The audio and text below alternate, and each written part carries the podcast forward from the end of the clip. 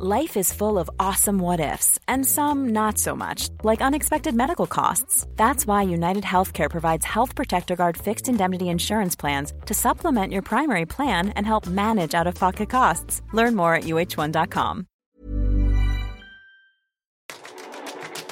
Hei og velkommen til Teknologitrender, podkasten som tar et entusiastisk, men også et kritisk blikk på hvordan teknologi og digitalisering endrer og påvirker våre liv og næringsliv. Episoden presenteres av Episenter, Oslos hub for digital innovasjon og et økosystem for innovative selskaper i vekst. Gå inn på episenteroslo.com og bli medlem du også. 2023 kommer til å gå ned i historien som det året da kunstig intelligens virkelig slo igjennom. Det året da AI ble allment og nådde sin kritiske masse. Det tror jeg er en forholdsvis sikker spådom. I tillegg tror jeg heller ikke det er så farlig å komme med følgende påstander eller spådommer. 1. Kunstig intelligens har kommet for å bli. 2. Den kunstige intelligensen vil aldri være så dårlig igjen som den er nå i dag. Tre, vi kommer aldri til å være mindre avhengig av kunstig intelligens som vi er nå i dag. Fire, kunstig intelligens kommer til å forandre måten vi lever, leker, lærer og jobber på.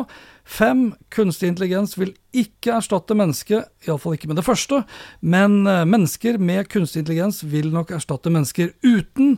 Og seks, markedet for kunstig intelligens kommer aldri til å være så lite som akkurat nå. Det siste sier mye om den transformative kraften bak eh, kunstig intelligens.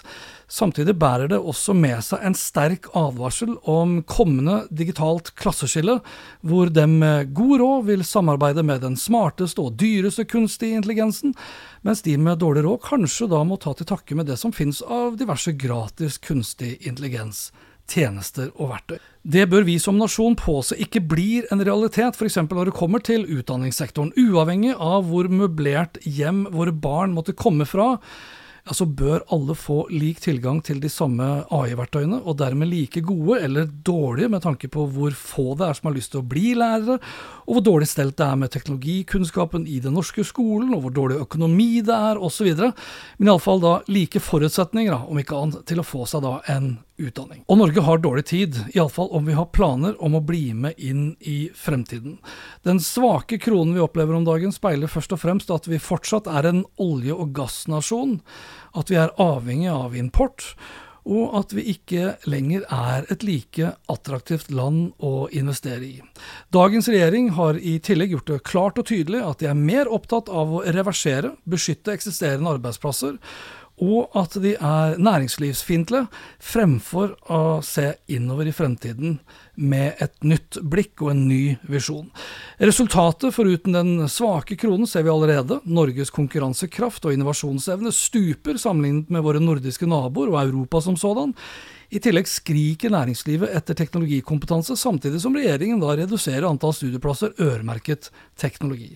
Behovet for å importere teknologisk øker, men blir utfordret av at de beste hodene ikke vil til Norge, fordi forutsetningene for å lykkes i Norge er kraftig redusert. Norges manglende strategi, visjon og satsing på teknologi generelt, og kunstig intelligens spesielt, kommer til å få alvorlige konsekvenser for vår økonomiske vekst, vår velferdsmodell og vår fremtid som sådan. Som et høykostland er vi fullstendig avhengig av å utvikle og eksportere verdensledende kunnskapsbaserte tjenester og produkter. Klarer vi ikke å lede an, eller i det minste holde tritt med utviklingen av kunstig intelligens, ja, så vil vi også risikere å bli gjort irrelevante i en global forstand, samtidig som vår avhengighet av å importere kunstig intelligens vil potensielt også kunne føre til at vi blir låst inn i teknologiske økosystemer vi har liten kontroll over, og som kan utnyttes og misbrukes av andre til egen politisk eller økonomisk vinning. For å takle morgendagens utfordringer mener jeg det er avgjørende at våre folkevalgte utarbeider, og det raskt, en langsiktig handlingsplan og visjon for hvordan Norge skal bli en verdensledende nasjon innen AI-utvikling, AI-eksport og AI-adopsjon.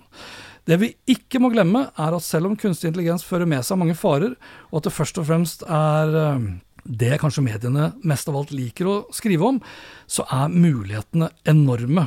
Og så lenge påstanden min om at kunstig intelligens har kommet for å bli, og at vi kun kommer til å bli mer og mer avhengig av kunstig intelligens, I tiden fremover bør det også være i vår interesse å bli med på utviklingen. Derfor må vi i tillegg til å planlegge for det beste, også forberede oss på det verste. Sistnevnte er spesielt viktig hvis ikke vi får fart på vår egen satsing. Og det er mye vi kan satse på hva gjelder områder hvor kunstig intelligens kommer til å spille en stadig viktigere rolle fremover, hva gjelder det å sikre en mer bærekraftig verden og nasjon. Kunstig intelligens kommer utvilsomt til å spille en nøkkelrolle i fremtidens helsevesen. Alt fra forskning på nye medisiner, stille diagnoser, til det å behandle, og ikke minst da, kommunikasjonen mellom lege og pasient, kommer i en eller annen grad til å bli utført ved hjelp av kunstig intelligens. Her kan norske myndigheter støtte AI-basert forskning og utdanning, slik at Norge kan utvikle medisin og tjenester som kan redde liv og forbedre livskvaliteten for millioner av mennesker, både her og internasjonalt. Kunstig intelligens vil også spille en avgjørende rolle for å løse dagens og morgendagens klimakrise, hvor AI vil kunne bidra til å overvåke, analysere og forstå klimaendringene som skjer, samt utvikle løsninger for å redusere eller forhindre påvirkningen. Her kan Norge som den energinasjonen vi er, bli verdensledende i AI-drevet klimaforskning og AI-optimaliserte energisystemer som forbedrer energieffektiviteten og reduserer utslippene. Et tettere samarbeid mellom det private og det offentlige næringslivet vil være avgjørende, ikke bare for overgangen til industri 4.0, men også til 5.0. En overgang som vil også gagne nærliggende industrier innen produksjon og logistikk for da å sikre en bærekraftig vekst. Det bør også være i regjeringens interesse å forbedre vårt eget utdanningssystem, hvor AI ikke bare bør ses på som en teknologi vi skal undervise i, men teknologi vi også skal ta i bruk for å forbedre undervisningen og utdanningen. Og her må myndighetene i mye større grad satse offensivt med alt fra en kraftig økning i IT-investeringer i selve utdanningssektoren, til en kraftig økning i studieplasser øremerket bl.a. kunstig intelligens. I tillegg bør også myndighetene få på plass gode nok støtteordninger for å utvikle AI-baserte læringsverktøy på hjemmebane for å øke og forbedre utdanningsnivået, utjevne ulikhetene og redusere vår avhengighet av utenlandske aktørers egne verktøy.